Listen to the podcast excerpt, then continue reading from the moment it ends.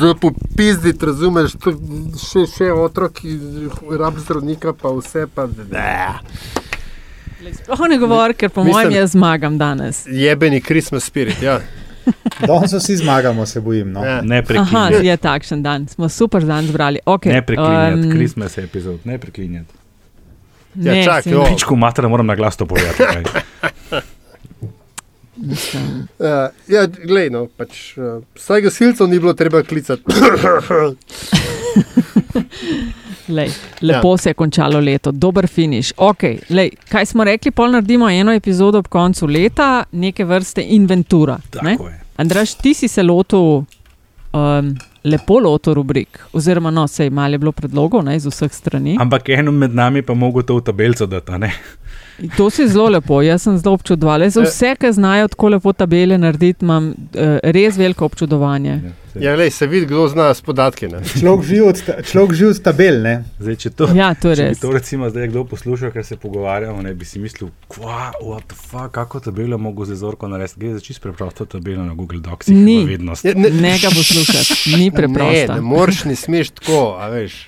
Fule bilo dela človek. Moja ideja je taka, no poslušajte. Uh, jaz bi predlagal, da tele kategorije prebere tisto, mislim, kategorijo in kaj to je, prebere tisto, ki jo je predlagal, to se mi zdi, da se približno spomnimo, kdo je kdo. In pol pač vsak od nas pove, koga ima kot kandidata za to kategorijo. In valjda menjamo vrstni red, da ne bo preveč enolično vse skupaj. S kratkim stavkom utemeljitve, zakaj, in potem se spopademo med sabo, kdo je zdaj res tle zmagovalec. Seveda na koncu ga pa ne razglasimo, ampak to prepustimo ljudstvu. Ne pisati, aljaš, ne to A delati. ja, ja, vem ti, sorry, sorry. Ne, to bo delo Andraš. Ne, se lahko A ja, ja, se lahko vsak zase, to bi bilo super, lahko tudi, a bomo vsak svoje pisali. Ko povemo, ga napišemo, da imamo pred sabo. Ja, in ja, ja, imamo tako. A ja, ok, ok, Tako ja, ja, mislil, ok. ja, ja. glej, glej, A veš, glej, mora ja, biti ta ja, redu. element presenečenja, pa zgražanja, pa kvas predlago, zblesal. A veš, tako. Ja, ja, ja, v redu, ok, ok, okay dobro. Okay, Ne, Ja. sploh ne govori, Antiša, ker uh, meni so tudi kakšne minutke zmanjkala pri dopolnjevanju tega čudovitega spiska. Ampak kdaj gremo, gremo snemat, ker se meni pol naprej mudi. Pred nami je častna naloga. ker se jebi ga nekdo mora boriti za otroke. Prva stvar je neenotnost opozicije, in druga stvar je neenotnost svetovnih velesil. Pa bom spet eh, s prispodobo udaril, da ne bo eh, izpadel nekonsistenten. Več afer, kot bodo sproducirali, bolj bom grizla in sekala lovke. Ko bom imel kaj več zapovedati, pa bom to, to tudi storil. Nič več ne bo tako, kot je bilo. Te razprave ne bom nadaljeval, pa ne zato, ker ne bi bil poguben, ampak zato, ker eh, nisem neumen. V imenu svojih najbližjih in v božjem imenu vas pozivam na lov.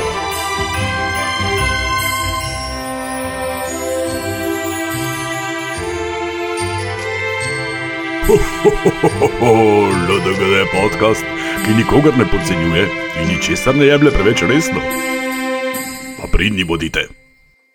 Redna epizoda podcasta LDGT, to je podcast, ki nikogar ne podcenjuje, ničesar ne jemlje preveč resno in še posebej ne politike. In takšna bo tudi zaključna epizoda v letu 2020 z vami, tako kot od 1. aprila dalje. Aljaš Pengov Bitenc, Radio Chaos, Antiša Korjan Primorske novice in Andraž Zorko, Valikon ter Nataša Briški Metina lista. Kar rabimo povedati na začetku je, ne, da to je prvo naše, naše leto, no, ni še konc, ampak vse en. Uh, a smo zadovoljni? So možnosti za izboljšave, a ne, Andraš? Včasih je mal boljš, včasih je mal slabš, v povprečju smo pa kar v redu. Ampak vse tako lepo, se bomo počasi ulaufali. Um, se pravi, gre za podcast, ki pokriva notranje politično slovensko sceno in uh, danes, oziroma tokrat v epizodi številka 23, naredimo presek čez leto. Ne? To. Ali až ti Tak, imaš? tak je plan, ne? Tak je plan. Tak in je potem plan. smo pač naredili neke kategorije. To vse in resne v vsaki oddaje in vse resni kategoriji- mediji počnejo Ja. na koncu leta. a ne? Tako. Tako. Ok, noč, a, ljubčki moji, tako je. A, bilo je ludo in nezaboravno, tole je 2019. A, mislim, da smo naredili več valov, kot smo mislili, da jih bomo. In predvsem več, kot bi si marsikdo želel, da bi jih. Zato mislim, da je treba odpreti tole sezono, eh, zaključno, z finalno tekmo, All Stars, tako rekoč, in vprašati uh, vse nas štiri, kdo je po vašem mnenju Rookie of the Year? Torej, novinec. Ja, Ja. Novinec leta po slovensko. Ja. Ja, sej to je Aljaš v bistvu hotel nadaljevati. Ne. Kdo je novinc leta na političnem parketu? Ni pa nujno, da novinec je seveda povezan s tem, koliko je nekdo star ali mlad. Ne. Ja. Rookie of the year. Tako. To, kar je bil Dončić lani ali predlani. Skratka, Um, no, kdo? Mislim, da ima Andraš Zorko že kandidata, tako da lahko on prebije Jezik let, zobmi vzame dolžnost. Zadržujem. Ja. Seveda, Tako. tle sploh nisem imel prav veliko časa za razmišljati, niti nisem imel veliko izbire. To je absolutno Angelika Mlinar za me, novinec leta. V slabe pol leta pr- prijahala iz Koroške, avstrijske Koroške, slovenska Korošica oziroma Avstrika, karkoli že je, osvojila 15.311 preferenčnih glasov in je bila sedma med vsemi po preferenčnih glasovih. In postala nedavno še ministrica. Mislim, to vse skupaj pol leta za mene je to absolutno novinka leta v tem primeru. Pa zakaj si moral njo reči, ker je tudi, mislim, jaz se strinjam s tabo, Andraš. No, mislim, Ja. Jaz tu, mislim, meni se tu zdi ona tako, da je, uh, kot si rekel, prišla od nikoder. Uh, in uh, tako v bistvu kar skozi velika vrata. Uh, pri tem ne smemo odreči smisla za dramatičnost Alenki Bratušek, ki vedno to karto izigra tako precej nepričakovano. Um, in se mi zdi v redu. ne. Uh, zdaj, od Rukija of the Year se ponavadi pričakuje, da tudi kaj pokaže. Angelika Mlinar ni še dobila priložnosti, da prav veliko pokaže, izkazala se je, moram reči, in mislim, da se tukaj vsi štirje strinjamo na predvoljivnih soočenjih uh, za evropske volitve. Je pa naredila nekaj, kar se meni zdi tako, precej, uh, precej, da ima neko vrednost. Ne? Namreč uh, ponovno je razkrila nivo slovenske politike, oziroma kako nizko gre lahko slovenska politika v uh, diskreditiranju ali uh, v, uh, v bistvu, a, a čemo temu reči, argumentiranju, zakaj nekoga ne bo podprla. Ker to, kar smo spremljali pri na uh, oziroma- zaslišanjih, Mhm. ne, to je bilo tako, to je bilo mučno. To je bilo mučno. A še kdo dobi občutek, da to ni bilo samo zato, ker je iz Koroške, eh, iz, Avstrije, ampak zato, ker je ženska? Absolutno. Jaz se tukaj čisto strinjam v, v četrtkovem, se pravi. Prejšnjo tedenskem blog postu sem nekaj tazga tudi napisal, tudi prej sem take misli izražal, tako da jaz tlele se um, strinjam z vama, ne, kar se tiče Angelike. Ne. A reda to razen, je- Antiša, A veste, ker torej to je. Kaj? Torej, to ja, tudi ja, tvoja. seveda, Aha. seveda. Ampak hočem reči, da je argumentacija, argumentacija proti ne, je tako na nivoju, ni mi všeč, kakšna očala imaš, ali pa ni mi všeč tvoja frizura, zato nisi primeren za mesto ne vem, ministra, uh, uh, direktorja, predsednika, urednika, česar koli. Pričemer, Meni- seveda, Ja. oprosti, Aljaš, pričemer, seveda, ne gre pozabiti. Ne? Gospa govori odlično slovenščino in se identificira kot slovenka, uh, pričemer je bila rojena, vzgojena in uh, odrasla v Avstriji, na Koroškem, še več, ne na Dunaju, na Koroškem. Uh, jaz bom tukaj še nek, eno stvar dodal. Ne? Uh, prvič, to, da je ona se, pravi, se zavedala politične uh, dvomljivosti tega, da bi ne bi imela slovenskega državljanstva. Ne? Se pravi, da je proaktivno poskušala reševati uh, nek uh, potencialni politični problem, ki je to tudi potem dejansko nastal, se mi zdi spet ena od lastnosti, ki jo malkrat vidimo v slovenskih politiki, ki je predvsem reaktivna, ne? ki reagira na problem, potem ko ta že nastane. Ne? Uh, ta procedura, hkrati imaš pa potem to dvoličnost. Ne? Najprej so vsi skočili v, v luft in rekli, da se vendar ni državljanka, sej uh, potem ne more biti ministrica. Čeprav spet, ne, po mojem, nikjer ne piše, da je to eksplicitno, uh, eksplicitno za- zahteva. Ampak potem pa, ko ona postane državljanka in je ta uh, um, ovira preskočena, potem pa rečejo. Ja, ja, ha, samo ona še odločila državljanka. Kako pa mi zdaj vemo, da je to neki zares? Veš, mislim, ta moving the goalpost se mi zdi uh, uh, dost povedan o tem, da v resnici sploh ne gre za niti niti ne gre za vprašanje državljanstva, ker pri Andreju Bajuku tega problema ni bilo, da, da, da, so te domnevne dvojne lojalnosti spet samo izgovor, ne, da, gre, da je primarno to, da je ženska, sekundarno to, da ima tudi avstrijsko državljanstvo in pa potem pa še vse ostali politični pomisliki, ki, pač, ki so pa mogoče celo upravičeni. Um, Dobro, jaz bi- Aljaš, ampak, Ja. ja. a veš, pri uh, Andreju Bajuku se je ta nizkotnost slovenske politike uh, izkazala na eni drugi ravni. Ne? Uh, Ja, ja, ne, se se ni ukvarjalo s tem, kakšen državljan je on, ne, kaj bi on argentinski, pa slovenski ali ameriški, Tako, pa tako. se niti Ja, se ja. ne spomnim. Ampak mislim, uh, ne, gospod je bil letnik ne, 42 ali 43 in njemu se je očitalo domobranstvo. Ja, ja, ne, se, red. pa, e, e, mislim, po- e, ne me narobe razumeti, dvoličnost je tukaj lepo razporejena po Ja, ja. dejansko celem eh, političnem spektru. Tukaj, žali Bog, tukaj ni izjem za morebiti, ne, ironično časno izjemo levice, ki so pa ostali zvesti svoji ideološki pripadnosti in so rekli, da je diskvalifikatorni razlog neoliberalka. pa treba reči, da še vedno tukaj z vsem tem, kar se mi pogovarjamo, na nek način podpisujemo Bjanko Menico, Angeliki Mlinar. Ne? Ker, kot ja. sem rekel, ona prav veliko priložnosti za kaj pokazati ni Mm. v slovenskem prostoru dobila. Um, če bo dobila, eh, bomo videli, kaj bo naredila. Je pa res, seveda, da gre na eno ministrstvo, za katero se vemo. Ne? A zna kdo Ja. ja. našteti ministre, ki so ga doslej zasedali? Ne, ne, je tako Ne, malo kaj Tako ne, zadnja dva znamo. Da ne Ja, zaidemo, zdaj jih ne. znamo. ne. Zadnja dva, ki sta, mislim, ja. Ali jaš ti imaš isto kandidatko? Skratka. Ne, ne, ne, draga jo, moja. No, ne. sej, sej. Pa, pa povej, Ne. Napiši. Tako, ne? Jaz, kot rečeno, z veliko uh, povedanega o Angeliki Mlinar se strinjam, vendar pa ne, je moja nominiranka za Rookie of the Year Aleksandra Pivec, ministrica za kmetijstvo, gozdarstvo, ribištvo, prehrano in kvaj sve in kva še vse. Iz preprostega razloga, ker ji je uspelo iz relativne politične anonimnosti močno, močno izživcirati Karla Rjavca.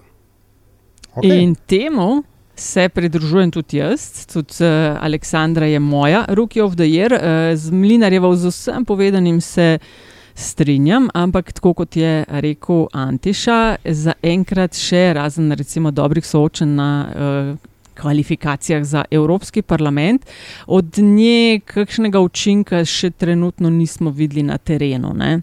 Medtem ko Odlično. Aleksandra je pa se mi zdi, da od ministrov in ministric ena bolj opaznih.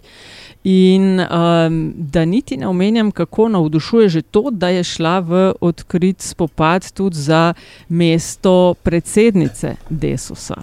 Jaz imam sicer Mlinar v drugi kategoriji, pa bom pol kasneje še kakšno besedo več o njej. Ampak ja, jaz sem tako kot uh, Aljaš, Aleksandra Pivec. In imamo dvojni ženski spopad v prvi kategoriji. Ja, evo. in dva veš proti kaj? dva. In tudi obe kandidatki sta v resnici zelo tvegani, ne? ker čez pol leta sta lahko obe bivši. To je res, Ja, ampak se res. izbiramo Rookie of To the Year novinko, novinca 2019. To je tako da pogosta usoda novincev. 2020, a veš, Tako, hitro zablestijo in hitro izgorijo. yes. Gremo naprej. Kdo je resnični Luka Dončić slovenske MVP, politike? MVP. MVP, ja, se pravi posameznik z največjim učinkom, najkoristnejši Most igralec, valuable to player. prevarijo, ja. To, to. Nataša, Prevajajo. boš ti, ki si bila prej zadnja. Lahko štartam, ja, jaz v to kategorijo. Zdaj, Andraš, ti si vse čas opozarjal, ko smo se stavljali, da ne smemo preveč resni gor dol. Dajmo imeti v mislih, seveda. kaj jemljemo, kako jemljemo politiko in tako dalje. No, sicer ta je čisto resna. Jaz za uh, MVP dajem Damirja Črnčeca. Um, bodi si gre za kadrovanja v državnih podjetjih, usmeritev vlade, delovanje kabineta, odnosi s Hrvaško, politiko do vardiranja, varovanja slovensko-hrvaške meje. Meni se zdi, da je bilo z različnimi ljudmi, s komorkoli sem se pogovarjala, vedno je bilo, da to so pa prsti Damirja Črnčeca zraven. Zdaj MVP se lahko različno prevaja, nekomu koristno, nekomu drugemu ne. Vsekakor se mi pa zdi, da je eden uh, najvplivnejših v Sloveniji in da je en tak naš, tako kot Rusi. A veš, za vse volitve uh, Rusi so imeli vpliv, Rusi so vplivali na to, da je on naš Rus. Vse posod je bilo kuda, črnčec svuda. To je v bistvu Borut. Jamnak, Bom- eh, Borut Jamnik 2.0, ne, povsod je zraven. Bom kar nadaljeval, Nataša, ne, ker je tudi moj kandidat za ta naziv, da je Aha. črnce. Absolutno ne. Nihče ga ne vidi, nihče nič ne ve o njemu, kao. Pa vsi ga omenjajo in menda vodi vse, in nekateri že odkrito govorijo, da je pravzaprav on tisti, ki vodi vlado. Tako da jaz mislim, da je to najkoristnejši igralec tega vidika. Ja, jaz sem se vprašal, uh, kaj je tisto merilo ne, in uh, kaj je oprijemljivega. ne, In sem rekel, ok, dajmo pogledati um, Andraževo speci, uh, specialnost, ne, dajmo pogledati malo uh, uh, list, lestvice priljubljenosti. Ne. In ko sem izhajal iz tega, sem seveda uh, uh, dubil na dlani odgovor Borut Pahor, predsednik republike. Z, s protokolarnimi obveznostmi, z ne preveč, uh, v letošnjem letu pa še posebej, ne preveč vsebinskimi posegi v dogajanje uh, v državi, je še zmeraj uh, tik, vr, uh, tik pod vrhom ali celo na vrhu priljubljenosti slovenskih politikov. Tako ti bom odgovoril, ravno zato je tam. A, ja, no, seveda ne. Ja. Čakaj, Antiša, Borut Pahor je tvoj. Ja, Borut Pahor z minimalnim uložkom, se pravi, z minimalnim uložkom, z minimalnim trudom, če odmislimo protokol in uh, um, rekel, nastopanje tako in drugače, uh, je najbolj priljubljen politik. No, jaz se tle ne strinjam, predvsem zato, ker uh, sem Lizanč tudi tvitev spet o tem, kaj te lestvice priljubljenosti pomenijo, ne pomenijo nič. In mislim, da to ni pravo merilo. In tudi ga ne vidim kot koristen element, ne v politiki, ne ože, ne širše, ker namreč njegove koristi res ni čutiti nikjer, če že uh, prej nasprotno. Tako da jaz bom kar ustrajal pri najnem kandidatu z Natašo. Ja, mislim MVP, a veš, eno je najbolj priljubljen, drugo je pa MVP. Ja, ja. Od koga imamo vsi največ? Ne, jaz mislim, Andraž, da je. Ja, čakaj malo, Nataša, imamo od dame. Okay, Andraž, uh, v družbi, ki je genetsko predestinirana za, uh, za to, da se uh, kregamo in se upravičujem izrazu, pičkamo med sabo, ne? uh, nekdo, ki deluje izrazito. Uh, pomirjevalno, če hočeš. Ne? Oziroma, če hočeš, se mi zdi dragocen uh, uh, faktor v družbi. To pač moram reči. Ali jaš, okay. imaš tretjega kandidata? Ja, jaz sem bil tukaj večkrat razdeljen. Um, Črnčec v redu, sam meni se zdi, da je on, veš, tako malo kot teorija zarote. Vsi hočemo verjeti, da je črnčec zadaj, zato da imajo te neumnosti vsaj kakšen smisel. Ne? Uh, tako da ga iz tega Ni razloga. to, da hočemo verjeti, s komerkoli se pogovarjaš, ki je blizu. Ob, pro, glej, Ampak, ok, ajde, kar povej. bližina, bližina moči nekatere ljudi premami v to, da verjamejo v, pač v to, da jo dejansko imajo. Ne? Tako da jaz, ne vem, jaz bi črnčeca kle že, že sam zato, da se ne bi prevelika fama okoli njega delala na, dol vrgu. ne. Malce sem bil pol razdeljen, da bi dal za MVP-ja slovenske politike eh, Jean-Claude Junckerja ali pa Kolindo Grabar Kitarovič, ker se mi zdi, da sta to dva elementa, eh, dva politika, v okrog katerih se lahko oblikuje neke vrste nacionalni konsens, pa čeprav je negativen. Ne? Ampak uh, recimo, da ne, no, mogoče bi vendarle tukaj dal Alenko Bratošek. Iz preprostega razloga, ona je the most valuable, glede na to, kaj, je, kaj prinese mizi, kot se reče, ne, v primerjavi s tem, kaj odnese v smislu političnega vpliva, uh, vpliva, ki ga ima na ne vem, razvoj države itd. itd. Zelo, zelo se strinjam s tabo. Ja, še moram priznati, sem imel, kot, sem imel ožem nabor, absolutno. Jaz sem šel pol na Damire razdeliti te njegove skrivnostnosti, bolj kot kaj drugega. Ampak ja, ja Uh. podpiram tole argumentacijo. Gremo naprej. Ja, Ja, ja, ta drama tvoja, Queen ta leta, ta je moja. Drama. Queen leta, poteza ali oseba, okrog katere se je delala galama in vilo roke, pa je bilo vse skupaj nepomembno in posledice niso ne trajne, ne zapomnljive. Tako recimo, kot en slab sirov burek ob dveh zjutraj. Ali z imenom in primkom? Karel Rjavec? Tudi pri meni, tudi pri meni. Nataša? Jaz sem pa klele, mislim, da smo imeli v štartu ne samo poteza ali oseba, smo imeli tudi kakšen dogodek, dogajanje ne, pod drama Queen leta. Jaz tam sem noter proračun. Ne, premije, lepa, lepa. No, sej, sej, ja, ja, ja, v redu, v redu, v redu. Dobro. sprejemanje sprejemanje proračuna. proračuna. Ne. Prej, uh, a veš, premijer je na to vezal zaupnico, zadnjih nekaj mesecev smo se bongali okrog tega, a bo šlo skozi ali ne bo. Levica je tik pred zdajci uh, ne bila več pridružena članica koalicije, uletel je Jelinčič noter, um, DS ne, je dal veto na um, prvo glasovanje, sestavljala se je v zadnji že alternativna vlada. No, na koncu je šel proračun po planu, mislim, da smo v uh, našem podkastu o tem tudi že govorili. Po planu je šel čez, ker uh, ni nikomor preveč, uh, razen opoziciji, v interesu, da bi se kakšne nove volitve ne, delale. Tako da sprejemanje proračuna je moj, moj drama Queen leta. Intriganten predlog. Se Moj- strinjam. Moja drama Queen je pa King v bistvu ne? in je Matej Tonin.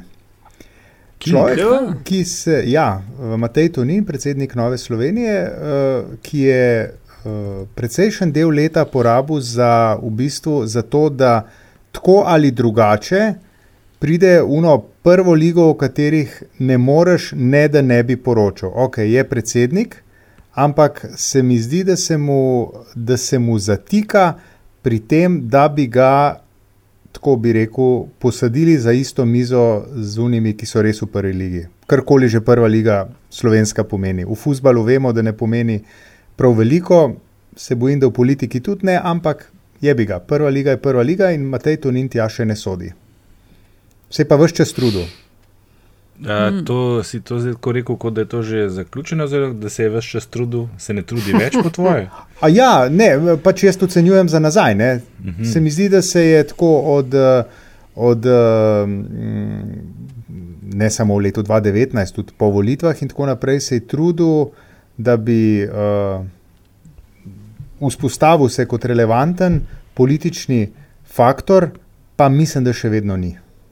No, se tle ne bi strinjal s tabo, uh, zato ker, mislim, vidi se, da je mlajši. Ne? Uh, spomnim bom zdaj na tisti znameniti intervju v večerju, ki je bil čista nameštalka, seveda, ne? kjer je pa tudi nasedel po drugi strani zelo naivno na to, kar so mu tam podvalili. Um, To se mu bo, po mojem, še dogajalo. Ne? ne bi ga pa jaz podcenjeval. Jaz mislim, da je to, da je Absolutno. to začetek ene daljše poti. Gledam tudi malo rejtinge te stranke. Uh, napovedovali so jim zelo slabo prihodnost, potem ko so zamenjali predsednico, pa se je v bistvu ni to zgodilo, so na malo boljšem, kot so bili, stabilno, tako kot levica, približno, ne? stabilno in počasi se mičkaj dvigujejo. Tako da mogoče so to pač neki rekel, res znaki mladosti, kar bi lahko rekel tudi recimo zelo komesa, ne vem pa če to glih vredno tega nadiva. Je še kaj pa je zanimivo, je pa hec. Pri ne? katerem bom seveda ustrajal. Ah, seveda. Je pa hec, da, da sta pa tle nominirana dva, ki sta, pa, ki sta si pogosto v laseh, a ne? kar je Ja, ja, ja. na tej tonin, to pa je zanimivo. To je- Ne, jaz sem hotel samo še to pridodati pri Toninu. Ne, da, če govorimo za 2019, v letu 2019 se Tonin res ni izkazal. Potencial, ki, ki ga je on v 2018 nastavil, in z volitvami, in z tem uh, paktiranjem, malo na levo, malo na desno, in, ra- in, se no, in, in s poskusom predstavitve na center. Ne, um, Veš, ta, ta potencial se nekako v 2019 ni realiziral, torej, da bi se v športnem žargonu rekel, da je, kako že treba je malo nazaj delati analizo, ne, pa ekipo na novo strenirati, pa poskusiti za novi sezoni bolje. No, jaz sem pa, če gremo na naslednjo kategorijo, ker lahko izhajam iz povedanega o Toninu, kategorija je Špilferderber leta. Poteza ali oseba, ki je, smo rekli, skočila v peskovnik in podrla vse potičke. Okay, ne, da je on podiral vse potičke, ampak se mi zdi, da 2019 ni bilo njegovo leto. Um, na evropskih volitvah so kar precej stavili, oziroma je bil vložek glede na izplen ne takšen, po mojem, kot so uh, računali. Uh, kot predsednik oziroma na čelu Knovsa pod njegovim vodstvom gledamo prenos v živo dogajanja v obveščevalni agenciji Sova. Ne? Zdaj to ne pomeni, da Sove ni treba ali pa da se ne bi nadzirali, ampak mogoče so primernejši načini za uh, sporočanje, kaj vse delaš, uh, in pa vse te epizode z uh, Drenik uh, in Slovenija, Hrvaška, oziroma težko je gledati naše bitke, kako Hrvate prisiliti v spoštovanje uh, evropskega prava. Tako da jaz njega dajem pod uh, Špilferderber leta um, in se strinjam tudi z Antišo, kar je prej rekel, da še ni, da absolutno je potencial, ni pa v prvi li, ligi še. Ne vem, kakšne finte mata spremljajo med sabo, bi se mi pa zdelo super, če uh, gre bi šel kamnik iz obeh od njiju ven. Ja, no. no. Uh, bom jaz nadaljeval in se ne znam čisto odločiti med Francem Bogovičem in Milanom Brglezom. Pa mi lahko mogoče pomagate. Uh, hmm. Seveda, oba sta se zgodila, ne, mimo načrtov. Uh, pa mogoče, uh, zdaj, ker razmišljam na glas, bi se mogoče vendar odločil za Franca Bogoviča. Uh, SLS je bila mišljena uh, kot um, privesek um, SDS-u v velikem zauzetju um, vsaj polovice Evrop, slovenskega EU političnega prostora. Uh, Voljivci so imeli druge, druge načrte, Franz Bogovič je očitno dovolj dobro zapisan in delal dovolj dobro kampanjo, da je z preferenčnimi glasovi uh, prehitev tretje uvrščenega na lestvici, ki sem ga seveda zdaj pozabil, je bil to, ne vem, to Milan Zver. Uh, ne, ne vem, on, ne, on je bil nosilc. Lej, ne vem. Skratka, Bogovič v Evropskem parlamentu, pozabil sem sploh, koliko so jih dobili, um, ampak on ni bil mišljen, da pride kot del koalicije SDS, SLS noter, kljub temu je prišel. Um, in mislim, da je on špilfrederber leta. Špilfrederber leta. Ja, dobro. Ti zdaj pa vidim, da tole kategorijo vsi zelo različno, mislim, vsi zelo ja. različno razumemo, kaj to res pomeni. Uh, Bogovič je imel, imel 13 tisoč glasov, 13 743 in je imel recimo glasov, kot Angelika Mlina, preferenčnih je pa res, da je bil mm. na drugi listi. Um, pred njim sta bila tako Romana Toms kot Milan Zver, tako da on je, mislim, da za las prehitev, če že uh, Lojzeta Petrleta. Točno. Ne, ne, Loj Petrlej. Ja, pardon, to je na seji, se pravi. Um, pa, pa ne vem, koga bi lahko za las prihitel. Ja, no, pač nekoga, nekoga je prihitel. Kangler je bil pol 10.300. Ja, pač, no, lej, hočem reči, ja. ni bilo mišljen, ne, veš, in, in, in mi je. Všeč so mi, veš, v demokraciji se vedno stvari kar zgodijo vsake toliko. In pa, tako, evo. Ja, za me je Špilford Erber po definiciji, ki, kot jo jaz razumem, to kategorijo, ne, da je to kot, kot sem, mislim, da jaz napisal ali kdo je napisal to, stopiš v, v peskovnik in podreš potičke in porušiš obstoječo igro. Uh, je pa zdravko počivalšek, ki je stopil v, v čevlje rekorderja vseh dosedanjih volitev, prevzel stranko, ki so jo že v bistvu vsi odpisali, kadrovsko počistil na hitro in pol tudi zelo jasno in glasno povedal, da se bo pogovarjal, če slučajno vlada pade in on ne bo prispeval k temu, da se bo pa pogovarjal z vsemi, kar je bil en zelo pomemben. Eh, moment, ki ni imel toliko pozornosti, kot bi se mogoče zaslužil, ker je s tem dal zelo jasno vedeti, da če bi slučajno prišlo do razpada vlade, da se bo pogovarjal tudi z Janšo. Uh, Glede to, da je to stranka pred volitvami, ki jasno dala vedeti, da z Janšo ne gre v koalicijo. Ne? Zato ga nominiram za Špilferderberja leta. In za Špilferderberja leta nominiram sam sebe, ker v tej kategoriji nima, nimam nobenega pametnega predloga, se opravičujem in sem Špilferderber, ampak naslednja rubrika, prosim. Dobro si izkoristil, dober si izkoristil svojega jokerja. Ja. Zelo dober. Ampak po mojem, ja, z, z Aljažem se jaz zelo strinjam. Tudi jaz je nisem mogoče te, mislim, da sem celo jaz to predlagala. Uh, Bogoviča. Ampak, Ja, ne, ne, ne da se z, eh, z njegovo izbiro, ampak kako je razumel uh -huh. uh, ta špilderber, ja, ker sta z Brglezom, ja, špilderber. No, gremo naprej. Ampak, okay, dalje. Subverzija leta. Nekaj, kar se je zgodilo pod radarjem, skoraj da ima naše pozornosti, pa ima potencial, da dolgoročno vpliva na razvoj dogodkov ali družbeno klimo. Iz opisa je razvidno, da sem to kategorijo prispeval jaz. Zato, ker nadaljuj. No, prvo pa bom nadaljeval po moji oceni, in uh, to ni ravno pod radarjem, ker o tem trajam že nekaj časa, ampak nedavni, um, nedavni poskus uveljavitve 37a člena zakona o obrambi, ki je, um, hvala Bogu, po mojem, sicer uh, propadel, ampak očitno bo to samo eden v seriji od podobnih poskusov. Uh, gre za člen, ki uh, slovenski vojski daje pristojnosti nad, nad uh, civilisti, ki jim daje policijske pristojnosti. Uh, to je stvar, uh, ki ne glede na vse, po mojem mnenju, nikakor ne bi, morala, ne bi smela biti v zakonu o obrambi. Ta 37. člen nas bo na neki točki uh, uh, grdo ugriznil v rit, uh, ko bo situacija, ko se bodo vsi strinjali, da je nekaj treba storiti, in bo neka malo bolj avtoritarna oblast uh, na oblasti. In bo rekla, oglej, ta člen imamo tukaj. In glede na to, da so že zdaj v pogojih, ki so popolnoma obvladljivi in v nekakršnem pogledu izredni, da se pojavljajo uh, pozivi, da naj se ta člen uveljavi do nadaljnega, ne, ne samo za tri mesece, to kot uh, piše v, v členu. Jaz mislim, da je to ena naga znamina, ki sem čakal, da nekdo na njo stopi in da bo vsem skupaj eksplodirala v obraz. Kdaj bo to sprejeto?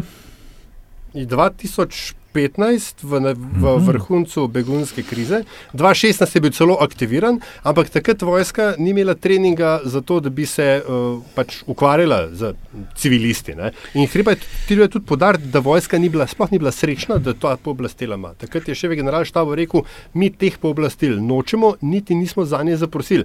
Politika hoče dati vojski pooblastila nad civilisti in to je narobe. Zdaj nisi zaznal očitno subverzivnosti mojega vprašanja, ker govoriš o dogodku iz leta 2015, mi pa zbiramo za 2019. ne, ne, a ja, to oprosti, o tem se je pa, se je pa ponovno, razprav, tem se je ponovno razpravljalo, pa, pa vem, deset dni nazaj.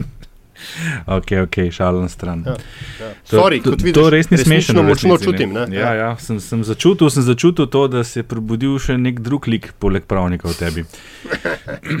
Zelo močen občutek sem dobil. Antiša, Ja, jaz, jaz tukaj sem večkrat kolebal. Ne? Kolebal sem med dvema uh, slovenskima notranje političnima in enim tujim fenomenom oziroma procesom. Uh, v Sloveniji seveda lahko govorimo po eni strani, o, uh, da je subverzija leta boj, ki smo mu priča za ključne vzvode v politiki, v represivnem aparatu, v gospodarstvu in tako naprej. Se pravi, sedanja oblastna struktura ob pomoči uh, uh, MVP-ja, imenovanega, se mi zdi, strani dveh od uh, nas štirih, Damirja Črnčeca, uh, se bori, ene strukture tega ne dajo iz rok uh, in se tukaj pač. Uh, Kot vedno pogosteje in vedno bolj transparentno vidimo, da se ta boj, boj dogaja. Uh, po drugi strani se mi zdi tudi vrdiranje stvar, ki bi jo bilo treba, nje, o njej smo že velikrat govorili. Ne? Vrdiranje je stvar, ki absolutno pronica v to družbo in uh, je ni za podcenjevati. Uh, tretja, ta svetovna, no, si bom še vzel to mi, pol minute, je pa Greta Thunberg. Thunberg Se pravi, nekdo, ki je vendarle. Ne, uh, spravil, pa sem bil kritičen do tega fenomena do, večkrat. Ampak se mi zdi, da je zadevo oziroma razpravo o podnebnih spremembah spravila res v main, main, mainstream. Tako da to so tri moji kandidati. Tri nominirance. Mm. V bistvu ja. Sploh ne znam tega vsega napisati. Nataša, da ti povej, da lahko med tem nekaj napisati. No, sicer pa, če bi moral izbrati enega, so, boj za prevlado. Boj za prevlado, boj za prevlado v ozadju ja. slovenske, kaj javne politike, mislim. Ja, tako je. Cepljen ja. na Greto. Mm na Ja, jaz sem pa tole rubriko zelo resno vzela. Ja. Meni se pa zdi, da je treba noter uvrstiti eh, premiero, premijeja v LDGD podkastu. Prvič se je Lepa. tako pomemben politik pustil intervjuvati podcasterjem. Res, da je to naša doslej najbolj poslušana epizoda in je bila precej odmevna, ampak menim, da bo imela daljnosežne posledice na eh, medijsko sceno, ki se tako ali tako zaradi novih tehnologij precej spreminja. Ampak da definitivno ima potencial, da ta poteza, da bodo v prihodnih letih sledili še drugi in da bomo od tega videli še več. Včasih so bili blogi, tisti, ki so naenkrat hot ratali, zdaj so vse bolj hot podcasti. Wow. Upati je, da podcasti ne bodo šli po smeri blog, uh, v smeri po kateri so šli blogi. Alo, kaj imaš ti? No, kaj pa je na robe? Ne, ja. ne, robe, ne, ne robe, ampak so uh, precej manj odmevni, kot so nekoč bili. Ne bi tako subverzivni. Ne reče se jim več blogi, zdaj so kolumne pa komentarji. Ja. Okay. Ej, jaz moram, Nataša, na tej točki treba verjetno sam res nareši uh, častno omembo. Uh, prvega vis visokega politika slovenskega, ki je bil pa čist na prvem takem podkastu, ne Miro Cerar kot uh, prvi šef stranke in zunani minister, no, je pa, uh, pa nare, od, otvoril, ne, zaural ja. ledino in tako dalje. No. Ja, lepo si to dodal, super. Dobro, dobro, jaz imam pa tudi nekaj čistko. Smo videli, da smo tle šli pa zelo, zelo ven iz škatle, kot bi se pravilno prevedlo. Jaz bom pa nominiral uh, eno ekipo, ki se je zelo tiho, neopazno skoraj prihulila v spredje medijskega, medijskega trga v Sloveniji. Mediji jih citirajo, ne pa tudi navajajo, njihov vpliv se počasi, zanesljivo širi. Poslušaj zaenkrat sicer komaj tam okrog 500 do 600 ljudi na epizodo, ampak ti so toliko bolj vredni in v resnici. A je kaj bolj subverzivnega, kot da za najbolj subverzivno potezo leta nominiraš svoj lasten podcast? Jaz nominiram A, nas. A, lepo, skupaj. Lepo, lepo. bravo, bravo, lepa. Urosil sem jo oko. ja. Sem nekako pričakoval, da ne bo ugovarjal na te nominacije. Gremo naprej, okay, odlično ne gre. Tako, tako. Eden od četverice državnih predsednikov ali predsednik stranke, ustavnega zvišča, komisije, pač predsednik. Nek predsednik, Kdo? predsednica. Ja. Ja. A lahko no, res nadaljujem? Grem. Dej. Jaz sem nominiral enega, ki ga sicer ne bi, če ne bi bila lih taka kategorija, pa tako leto. Ampak se spomnite vseh teh fotografij štirih predsednikov, ne? Eh, premijer, državni zbor republike, pa je bil povedal un četrti, pomeni vedel, kdo je. So, ja, so pa, njega boš šel kaj. Ja, prav njega bom. Ne, prav njega ni to on s Twitterja, ni to on s Twitterja. Točen to, ne. Aloj Skovšca, ne. Še ne dolgo nazaj, ne. Smo se sprašvali, kdo sploh ta človek je na teh fotografijah, ne. Zdaj vsi vejo, kdo je. Treba mu je priznati, le stopuje z anonimnosti in zdaj celo tvita, hvala Antiša. Uh, pustimo stati vsebino in, in uh, kaj govori in kaj tvita. Ampak ne, stopuje s totalno anonimnosti, končno vsaj neki ljudi ve, da, da imamo državni svet in kdo je njega predsednik. Tako da jaz si nisem mogel kaj in sem ga mogel nominirati. Jaz bom ostal no. na tej fotografiji in bom nominiral Marjana Šarca. Zaradi tega, ker je zdaj pa že skoraj leto in uh, četrt predsednik vlade vleče nekatere poteze, ki so ljudstvu zelo všečne, ki hkrati ekonomistov ne spravljajo obživce in uh, uh, v grozo, se jim ne dvigujejo lasje na glavi. Ne. Nekako mu uspeva, se mi zdi, uh, najti uh, uh, neke, neke rešitve. Uh, če spomnim samo na zadnjo, ki je bila uh, v zvezi z omejevanjem kreditiranja, je pač iznajdel neko, neko schemo, po kateri bo država, uh, po kateri bo država jamčila za stanovanske kredite, kredite pod določenimi pogoji. Potem je najdel neke rešitve tam z, glede regresa, da ne gremo prav, prav na delač. Po drugi strani, po drugi strani mu pa nekako uspe. Ne, težave koalicijskih partnerjev, lepo jim uh, poslati nazaj, rešite, me ne zanima, to je vaš problem. Ne? Na zadnje je bilo to zdaj z uh, že omenjeno Angeliko Mlinar, to je problem stranke Alenke Bratušek, rešite, nominirajte mi ministra, potem se bomo pa naprej pogovarjali. Skratka, uh, uh, nekako poskrbi, da problemi padejo od njega. Mm, Nataša, boš ti naslednja? Mm. Lahko, ja, sem kolebala med njim, ampak sem potem ugotovila, da ga lahko še v neko drugo kategorijo zapakiram. Aha, predsednik za vsako moja. ceno. Aha, aha. Ne, ne, ampak pod predsednica bo moja leta, ja. Alenka Bratušek. Kot sta že omenjala. Um, V enih drugih kategorijah, in argumente. Uh, moji za njo bi bili, da um, se izkazuje, Antiša, mislim, da si jo ti dal most valuable player, ne? da se je izkazala kot. Ne, ne, eh, nisem. To, to sem bil jaz. Nisem jaz dal. A, Ja, ja, uh, Aljaš ima v MVP, druga nominacija za Linko Bratošek v današnjem večeru. No, tistemu, kar je Aljaš eh, povedal, bi dodala, da je dve potezi leta imela, ki sta se za zelo inovativni izkazali in imenovanje Mlinar za. Eh, špicen kandidatko stranke za evropske volitve in imenovanje oziroma kandidiranje za ministrico.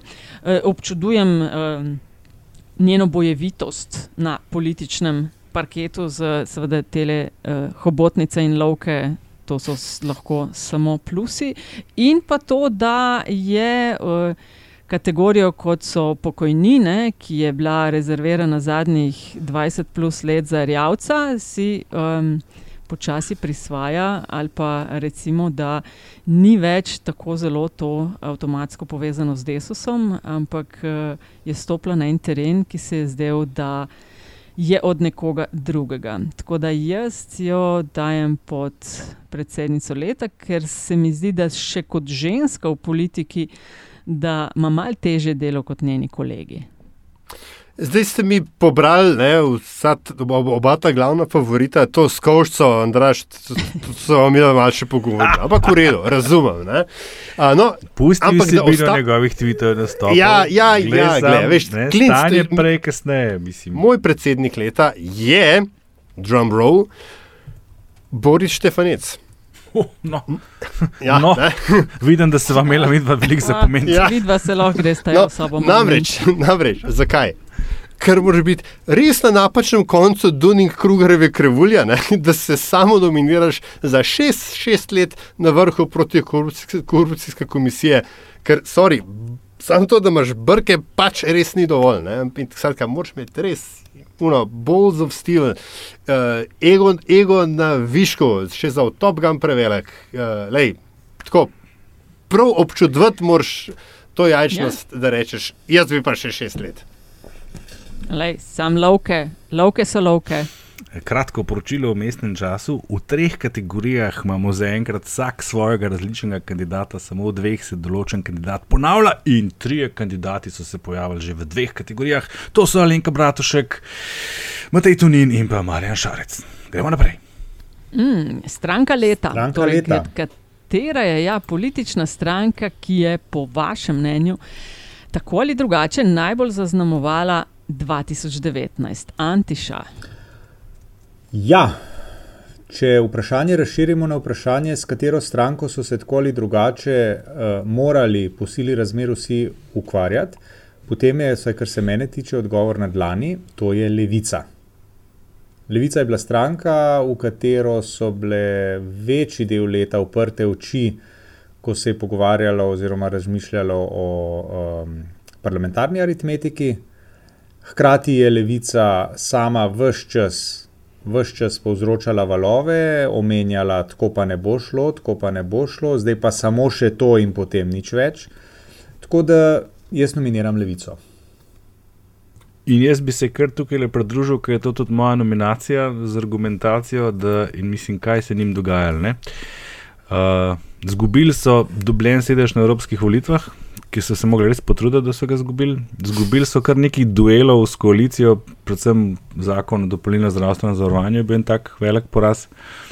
Uh, njihovi frontmeni so imeli par porazov, takih bolj vidnih. Na končni fazi lahko rečemo tudi, da so izgubili v tem sodelovanju s koalicijo, ne, ampak na kljub vsemu so pa išli ven kot neke vrste zmagovalci, vsaj kar se tiče javnomnenjske podpore, ki jim podobno kot nas je stabilno ali je primeru ali pa rahlo raste. In kot se kaže, jim nič od prej navedenega ni škodilo, zato jih tudi jaz nominiram za stranko leta. Jaz se bom klele pridružil. Uh, iz bolj ali manj vseh navedenih razlogov. Uh, Poleg tega se mi zdi mečken preveč klešejsko za stranko leta nominirati LMŠ, ker je pač največja vladna stranka in se mi zdi, da za njih mogoče veljajo mečken bolj zahtevni vatli. Ali pa po drugi strani SDS, ki samo pač to, da še vedno obstaja, pač ni neki nek blazen dosežek, ne? čeprav mogoče dolgoročno je. Uh, tako da, ja, lej, uh, levica, ne, ker so mogoče, no, ta moj, moj del argumentacije, s časoma so vendarle dojeli, da je uh, njihov forte v tej levičarski ideologiji, da ne glede na to, se z njo strinjaš ali ne, so pač v tem dobri, ker strašenje z Janezom Janšo ali pa z domobranci in partizanci ni več tisto, kar, kar uh, prodaja levi del spektra, ampak da so pač da spet, eh, da so ponovno to socialne, eh, vprašanja in uh, v tem imajo, če kdo, potem oni najbolj nes, nestandardna. Uh, um, Nestandardne ideje v primerjavi z konkurenco na slovenskem političnem mm. prostoru. Nataša, Mm. imamo prvo kategorijo, Ja. ki je popolnoma enotna ali pač ne. Za nalaščne, ker ne moramo štiri v vrsto imeti.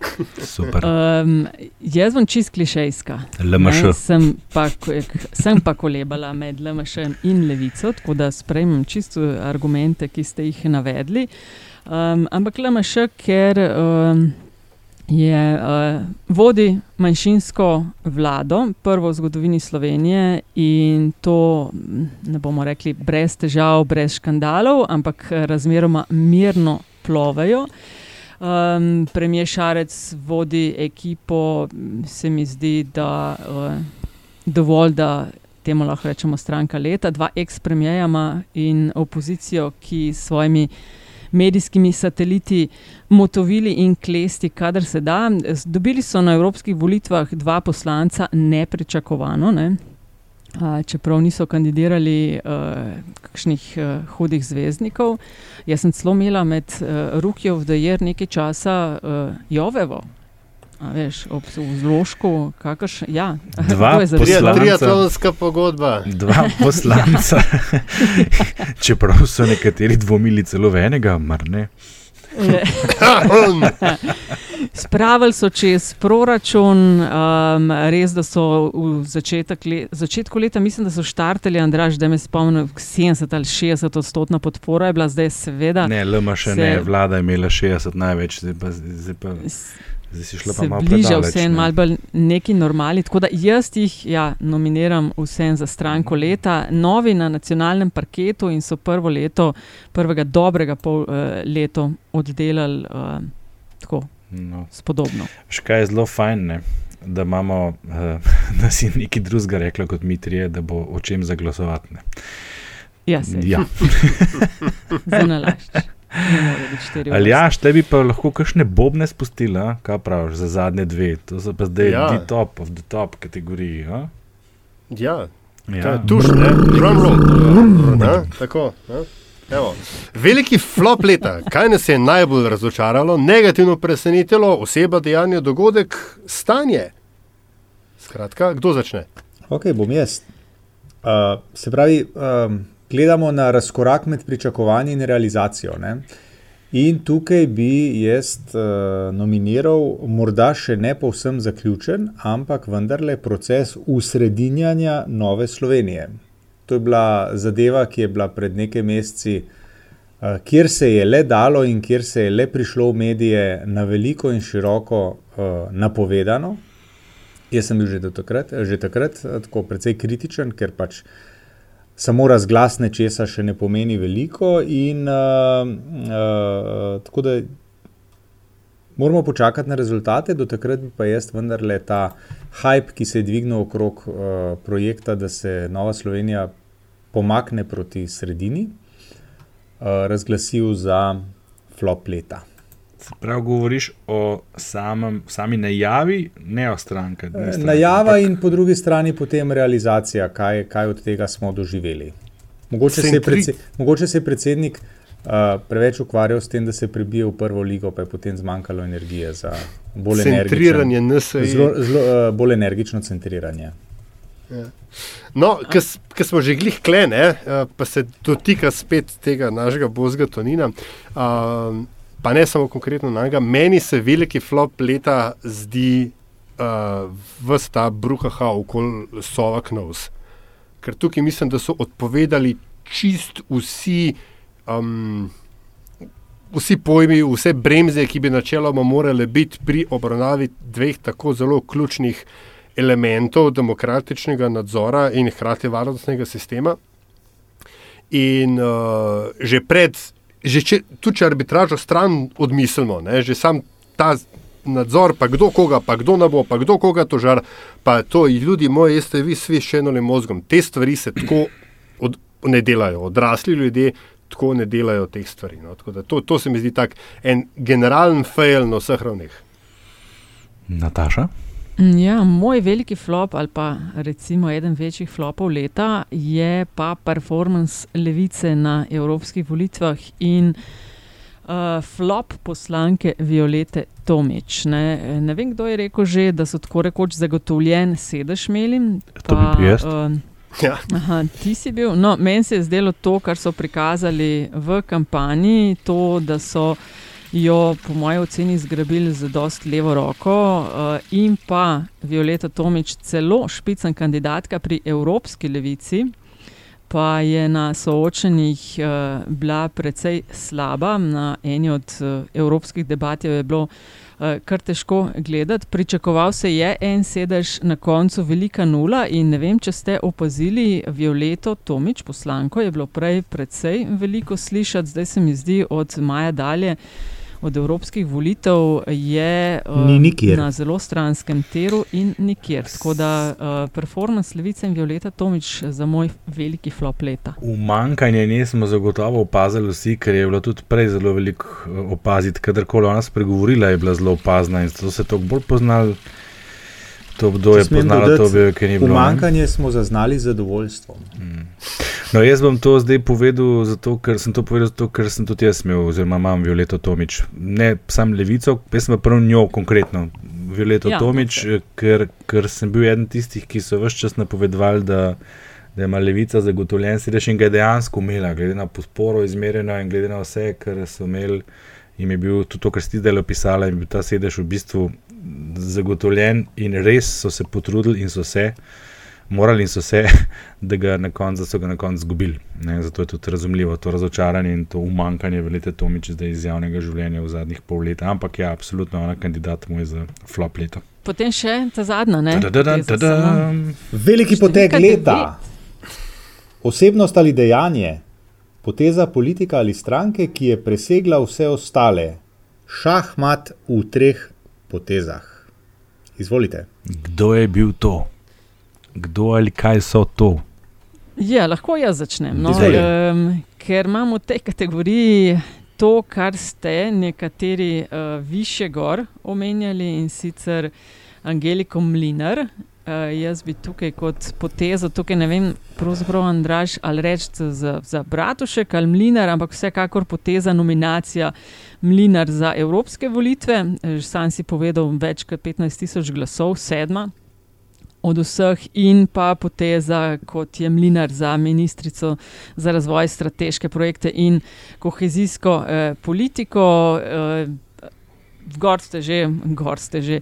Uh, omenjali ste vse, zakaj ona um, za nekatere roke of the year, ne, za me ta poteza, verjetno je seveda tudi njena odločitev bila, da se je odločila za obe kandidaturi, uh, izkazala se je na soočenjih, vsi danes proti njej, ne samo nacionalizem in to, da je ženska kandidatka. Na debatah za evropske volitve je kar mal, marsikomu jih je napela, med drugim tudi Jelinčiču in se mi zdi, da ji to poskušajo zdaj mal, da so ji poskušali v teh procesih potrjevati delovanja uh, malo vračati. Če si, že, pot... če si že začela uh, z evropskimi volitvami, bom nadaljeval sam. In to je poker, ki ga je uh, Lista Marjana Šarca igrala pred evropskimi volitvami.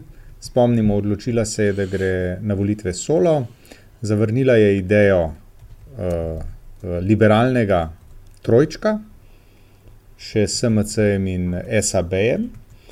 In uh, na koncu, v nasprotju s pričakovanji mnogih, ne, uh, uspela dobiti dva poslanca, kar je za stranko, ki v tistem trenutku ni bila niti eno leto ne, stara, se mi zdi lep uspeh.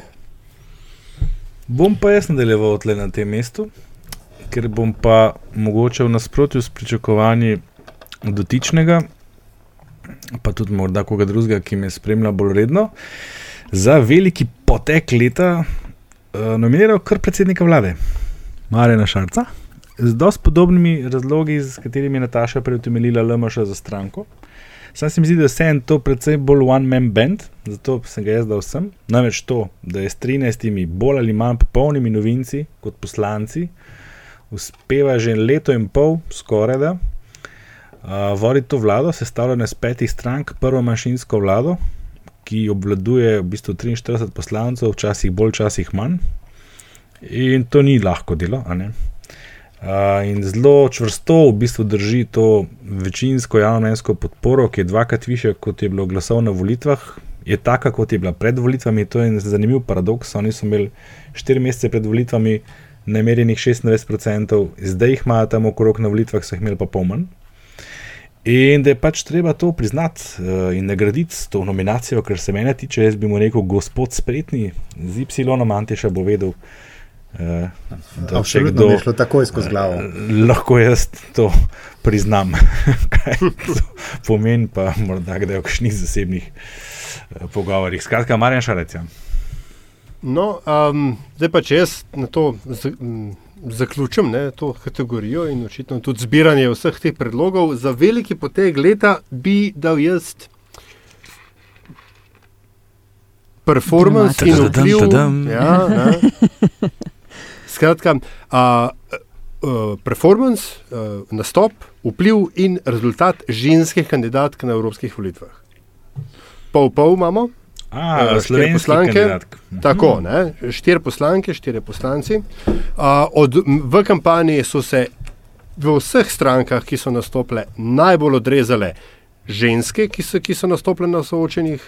Uh, in uh, nasploh se mi zdi, da je počasi vendarle postaja uh, vpliv žensk tudi v prvih linijah slovenske politike, ne samo občasen pojav, ampak nekaj tradicionalnega, um, tu prisotnega, ki bo, upam, da uh, ostalo in, in se še jačalo, ampak se mi zdi konkretno, uh, kot rečeno, nastop in uspeh žensk uh, kandidatk na evropskih volitvah, uh, tisto, kar je uh, zaznamovalo kot um, en tak kvalitativni premik v slovenski politični um, krajini.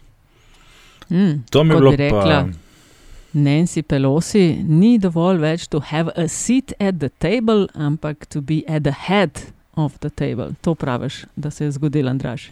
Aljaš. Da počasi, Ja, ali ne, pardon, ali ne še, ampak, ampak se mi zdi, da tokrat, da tokrat smo videli več kot samo simbolni premik v to smer. Zelo, zelo. Ja, zato je predlog. Angelika takšna grožnja, Milinar. A veš, to sem prej hotel povedati, dobro si me spomnil, Nataša. Pri Angeliki, Ja. oziroma pri odzivih na Angeliko, se včasih spomnim na odzive na Greto. Ja, Tle so neke paralele. Ne? Mislim, ciljna skupina, ki jo napada, je dosti podobna. Ne? In tudi Ja. argumenti so dosti podobni v smislu, da grejo neko pritlehnost, nek, neko osebne, ne vem kaj že, eh, razlage in napade. Srhljive podobnosti so tle. Taka Srhljive. deluje, no, meni Angelika Mlinar deluje tako samostoječa oseba. Ne? Nekdo, ki je ne bo, ki ne bo nastavljen ali nastavljena, da bo izvajal čist natanko to, kar bo nekdo tretji sporočal. Ne? In se mi zdi, da se m, takih kredibilnih kandidatk uh, nekateri bojijo. Mm. No, Čez evo. eno uro smo šli. Ne, mogoče se pa čisto motimo, Ja. ja. pa bo 2,20 takšen flop, da glava boli. Ampak Zadnjih lej, 30. 2,19 to. Ja, Pr, pr, Zadnjih drugih 30. nikoli ne veš. Ah, zadnjih 30. Uh, kdo bo začel? Aljaš. no bom jaz. Ja. Um, sicer gre ta epizoda ven po Božiču, ampak eno stvar je treba povedati. In če se hoče kdo skregati, sem se pripravljen skregati do konca. Ljudje moji, Die Hard, umri pokončno, je božični film. No ifs, no buts, to tako je. Valjda, če se dogaja uh, uh, okrog Božiča. Ne smeš Ja. komentirati, ne smeš komentirati. Zato pa je to Ampak- povedal. Ja. Antiša, A ni- da a In ko, smo, in ko smo že pri filmih, uh, hvala Aljaš za istočnico. Uh, ne vem, kaj se je zgodilo programskim vodjem slovenskih televizij, oziroma televizij, ki so nam na voljo v paketih, uh, ki jih imamo pač na televizijah. Ampak jaz letos, moram reči, še nisem zasledil niti sam doma, niti pravzaprav ljubezen. Zasledil sem počitnice iz tega stalnega nabora eh, božičnih filmov, sicer pa eden od programov se mi zdi, da že od oktobra vrti tako skoraj kon konstantno božične filme, tako da strahu za videti božični film ni in da, tudi Die Hard še ni bilo. Moj človek. Jaz bom pustil Natašo, da zaključi. Uh, mojih 30 bo poslanica. Manj Twitterja, več knjig, manj divjanja, več spanja, manj žalosti, več veselja, manj sekiranja, več plaže, manj vsega, kar nas teži, več tistega, kar nas veseli, pa ene slušalke za sprehod, tisto knjigo o številkah bi imel, pa nov efekt za kitaro, by the way. Želim predvsem in najprej sebi, Jaz mislim, da je treba imeti malo zdravega egoizma in seveda tudi tebi, dragi, dragi poslušalec, draga poslušalka, če ti karkoli od tega manjka. Ha, ha, ho, ho, ho, ho. Lepo, ti bi bil za na konec.